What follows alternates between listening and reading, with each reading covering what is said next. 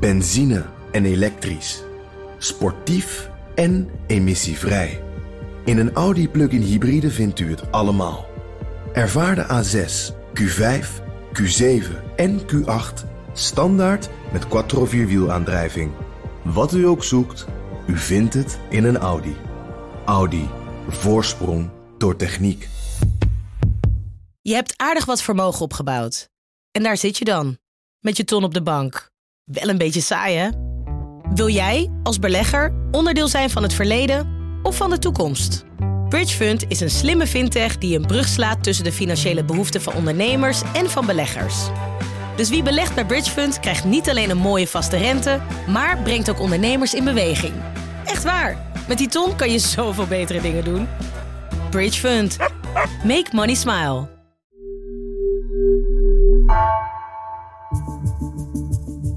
Vanaf de redactie van NRC het verhaal van vandaag. Mijn naam is Thomas Ruip.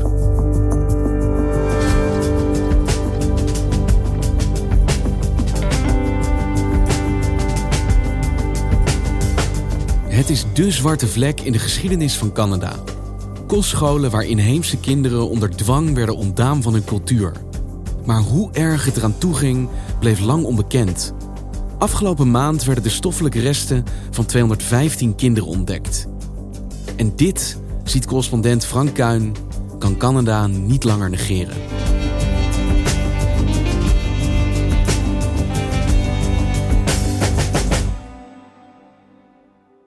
Ik stond afgelopen zondag uh, bij het parlement in de Canadese hoofdstad Ottawa. En uh, daar stonden een hele hoop rijen met kinderschoenen opgesteld. sandaaltjes, sportschoenen, renschoenen, kaplaarsjes, een paar teenslippers en moccasins. Dat zijn inheemse schoentjes.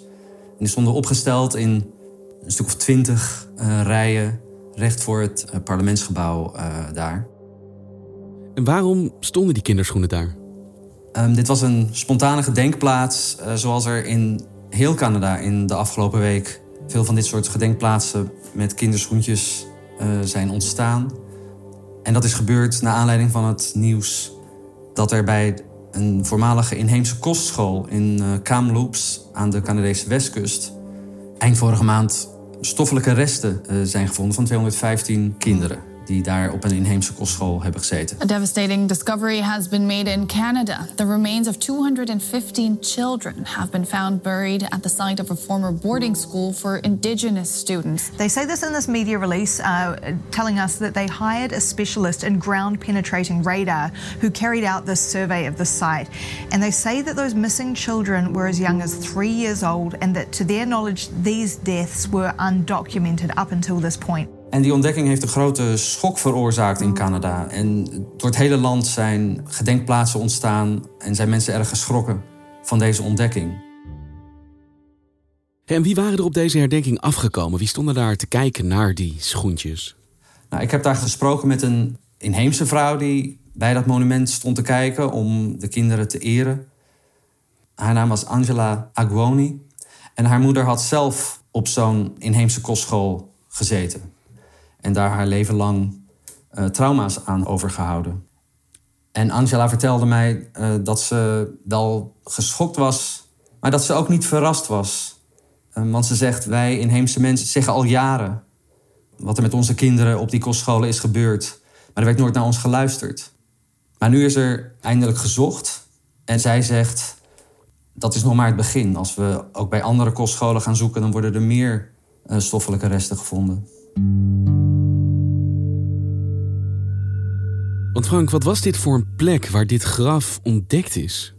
De Indiaanse kostschool in uh, Kamloops was een van de grootste inheemse kostscholen in het netwerk van dergelijke instanties die tussen de tweede helft van de uh, eh, 19e eeuw tot in de jaren 70 van de afgelopen eeuw in heel Canada bestonden. Uh, er waren in heel Canada zo'n 130 van dat soort scholen. 150.000 inheemse kinderen zijn daar gedwongen naartoe gestuurd. En de bedoeling daarvan was om hen te heropvoeden en ze te assimileren in de witte Canadese maatschappij. En die inheemse of Indiaanse kostscholen, zoals ze werden genoemd, zijn ingesteld om, zoals zij zeiden, het Indiaanse probleem van het jonge land op te lossen. En die heropvoeding op die kostscholen, hoe zag die eruit? Wat hield dat in? De bedoeling was om tussen aanhalingstekens de Indiaan uit het kind te halen. Een ambtenaar van inheemse zaken zei in de jaren twintig dat het de bedoeling was om met het beleid door te gaan totdat er geen enkel uh, Indiaans kind meer in het Canadese systeem te vinden zou zijn. Bij aankomst op die kostscholen bleek al meteen dat die kinderen werden uh, gezien als bijna als wilde dieren, zeggen ze zelf. Ik heb bijvoorbeeld gesproken met een oud leerling van die kostschool in Kamloops, uh, Rose Grace Miller. 1949, I was only about eight years old when I was taken by people in a cattle truck to be brought to the residential school, the Indian school in Kamloops. Toen ze acht jaar oud was in 1949, uh, toen is ze opgehaald door de Canadese autoriteiten bij haar grootmoeder. And we didn't know where we were going. We didn't know what was happening. We didn't have a mom and dad there with us. Zij voelde zich heel erg in de steek gelaten door haar ouders, door haar uh, grootmoeder. Uh, toen ze aankwam bij de school in Kamloops, ze had geen idee wat dat voor groot gebouw was. Ze had geen idee wie die mensen in zwarte gewaden, de nonnen, wie dat waren en waarom ze hier was. Ze werd van top tot teen geschropt en uh, behandeld tegen luizen, maar ze zegt we hadden helemaal geen luizen. They take us into the wash area where they made uh, down our bodies with a brush that you use on the floor. They poured coal oil on our heads. We thought we had lice, and we didn't have lice. En hoe zag het dagelijks leven voor haar daaruit? Ja, ze vertelt dat ze dus elke ochtend uh, bij het opstaan moesten ze meteen bidden. Dan moesten ze bij het ontbijt moesten ze bidden. Dan moesten ze naar de mis. Alle katholieke uh, rituelen moesten ze doen, maar katholiek geloof dat kenden ze helemaal niet. En ze werden daar ja, met wreedheid behandeld door nonnen en priesters. It was so horrible there. We had to say prayers all day, and we didn't know what it was. We didn't even know who God was. Ze kregen een soort pap te eten, maar die vond ze helemaal niet lekker. De melk was vaak zuur, zegt ze. Maar als ze het uh, zou overgeven, uh, wat wel eens gebeurde, dan werd ze hard geslagen. Er stond er ook een herinnering bij dat er, er waren appelboomgaarden in de omgeving. Maar zelf kreeg ze zelden uh, appels te eten. En als ze die kregen, dan waren het vaak de rotte appels. One of the horrible stories for food, and also another one is where we had apple orchards there, and we hardly ever got apples. But when they brought us some in a big box, we'd all, all have to fight over it. And if there was rotten ones, we'd have to take it. We're so hungry, and we'd scrape out the rotten parts and eat it. Ze werden uh, lichamelijk misbruikt, uh, ze werden psychologisch uh, misbruikt. Hen werd aangepraat dat hun eigen cultuur minder waardig was. Dat als ze hun eigen inheemse talen spraken, dat mocht niet. Want die waren des duivels, zeiden de nonnen. Um, dus als ze dat toch deden, als ze toch in hun eigen taal met elkaar spraken stiekem, dan werden ze daar hard voor gestraft, werden ze geslagen met riemen.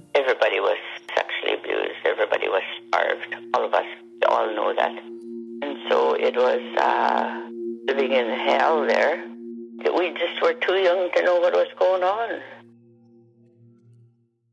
Dat decennia lange beleid in Canada van culturele assimilatie en uitroeiing, wat heeft dat betekend voor de plek van de inheemse bevolking binnen dat land?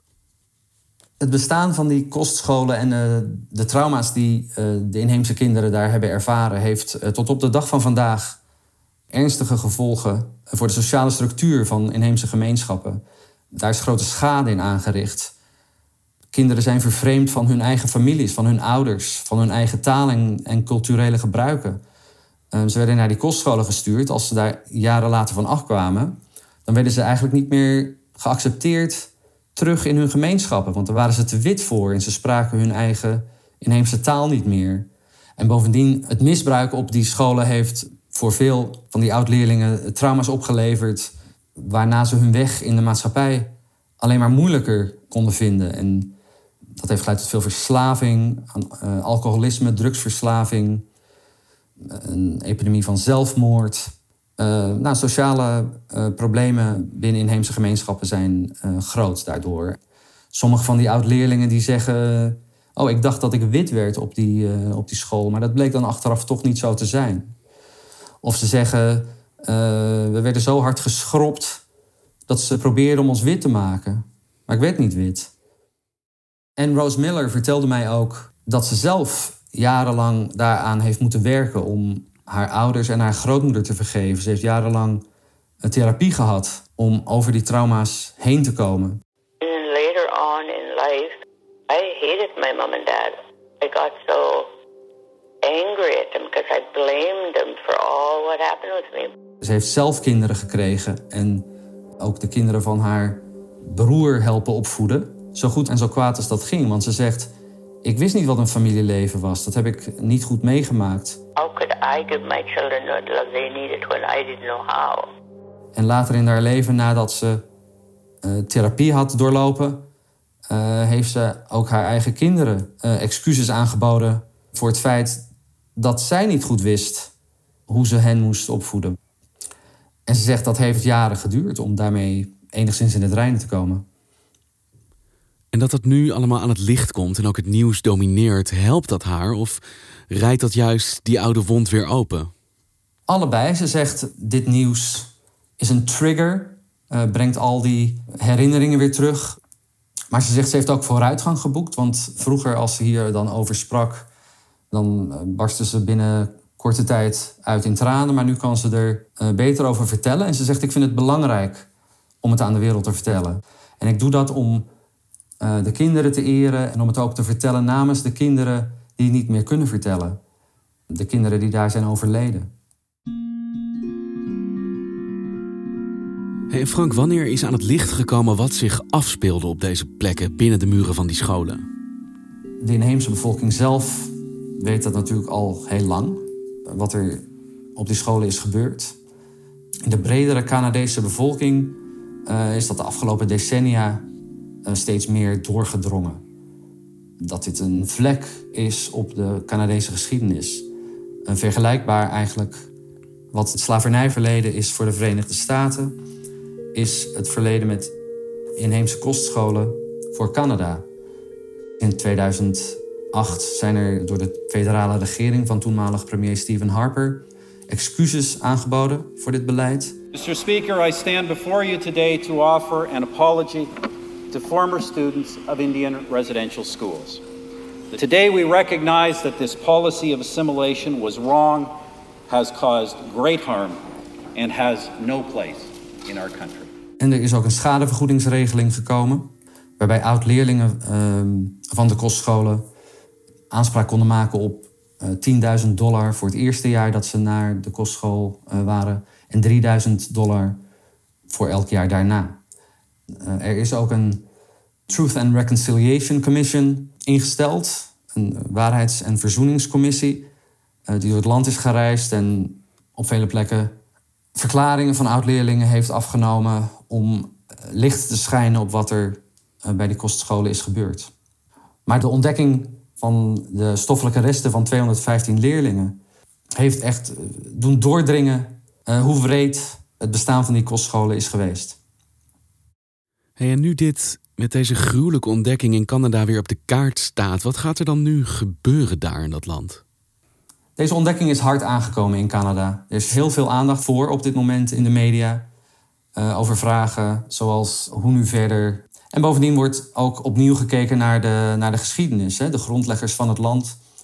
En een hoop mensen zeggen, ja, kunnen we nog wel standbeelden van deze mannen laten staan? En op verschillende plaatsen in Canada zijn ook standbeelden van Sir John A. Macdonald en Egerton Ryerson neergehaald door betogers. And tonight on the Ryerson University campus, the statue of Egerton Ryerson, the school's namesake, has been knocked over.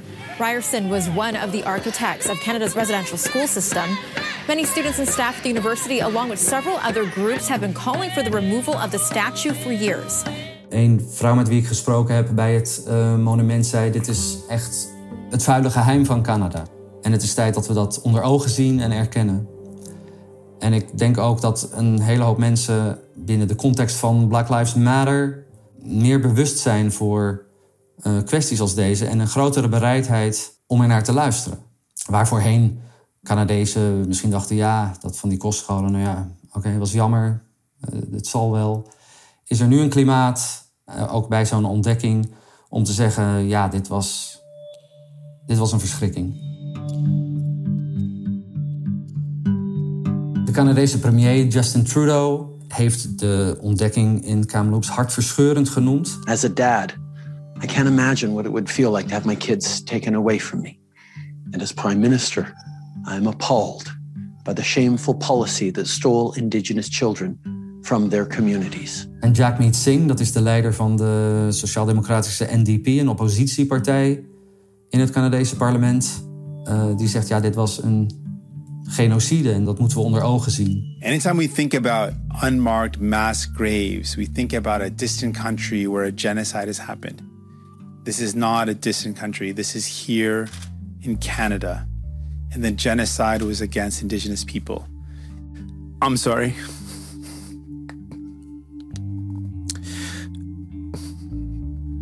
We're going to fight for justice for you. Er wordt veel gesproken over wat er verder moet uh, gebeuren. Ten eerste wordt er hard aangedrongen om ook op andere plaatsen van voormalige inheemse kostscholen te gaan zoeken naar stoffelijke resten. Volgens de Truth and Reconciliation Commission in hun eindrapport uh, zijn ongeveer 4000 leerlingen op die scholen overleden, wat bekend is.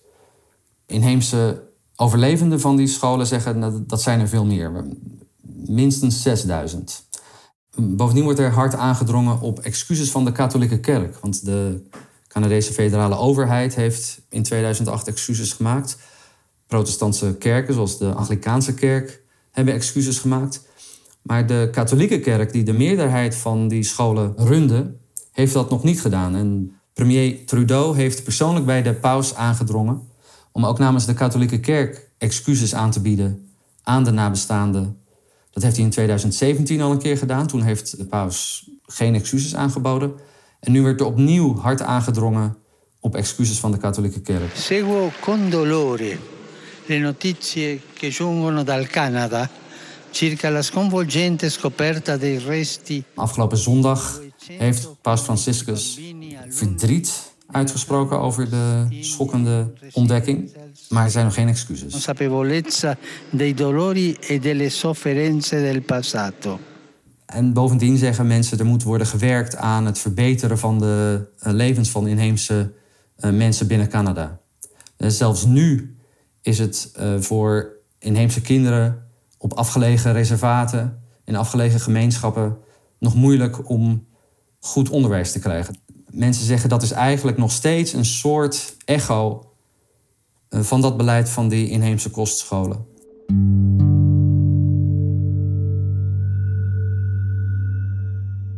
Erkenning is er, maar dat is natuurlijk niet hetzelfde als gerechtigheid. Want als een deel van de slachtoffers van dat geweld nog leeft, dan geldt dat misschien ook wel voor daders. Kan er niet sprake zijn ook van berechting en vervolging? Dat is een goede vraag. Eh, binnen de compensatieregeling eh, rond de tijd van de federale excuses is er een regeling getroffen dat oud-leerlingen die aanspraak hebben gemaakt op schadevergoeding afstand deden van enige juridische stappen. Dus vervolging gaat Canada niet zien waarschijnlijk in deze zaken? Een rechtsvervolging is inderdaad onwaarschijnlijk. Dat eh, staat niet echt op de radar. Want wat wil de inheemse bevolking dat er gebeurt met deze geschiedenis?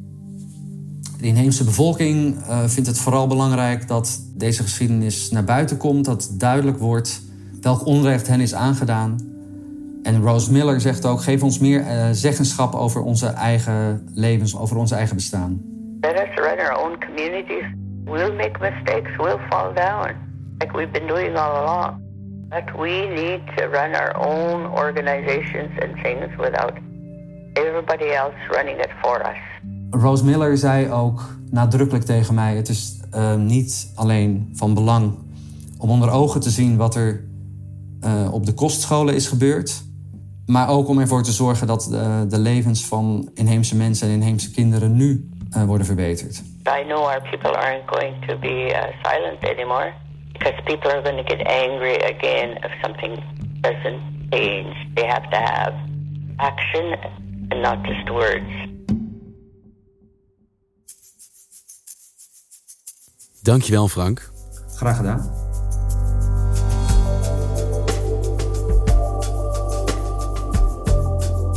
Je luisterde naar vandaag, een podcast van NRC. Eén verhaal, elke dag. Deze aflevering werd gemaakt door Esmee Dirks, Tessa Kolen, Felicia Alberding en Misha van Waterschoot. Plaatsvervangend chef van de audioredactie is Edo Havinga. De muziek die je hoort is van Rufus van Baardwijk. Dit was vandaag, maandag weer.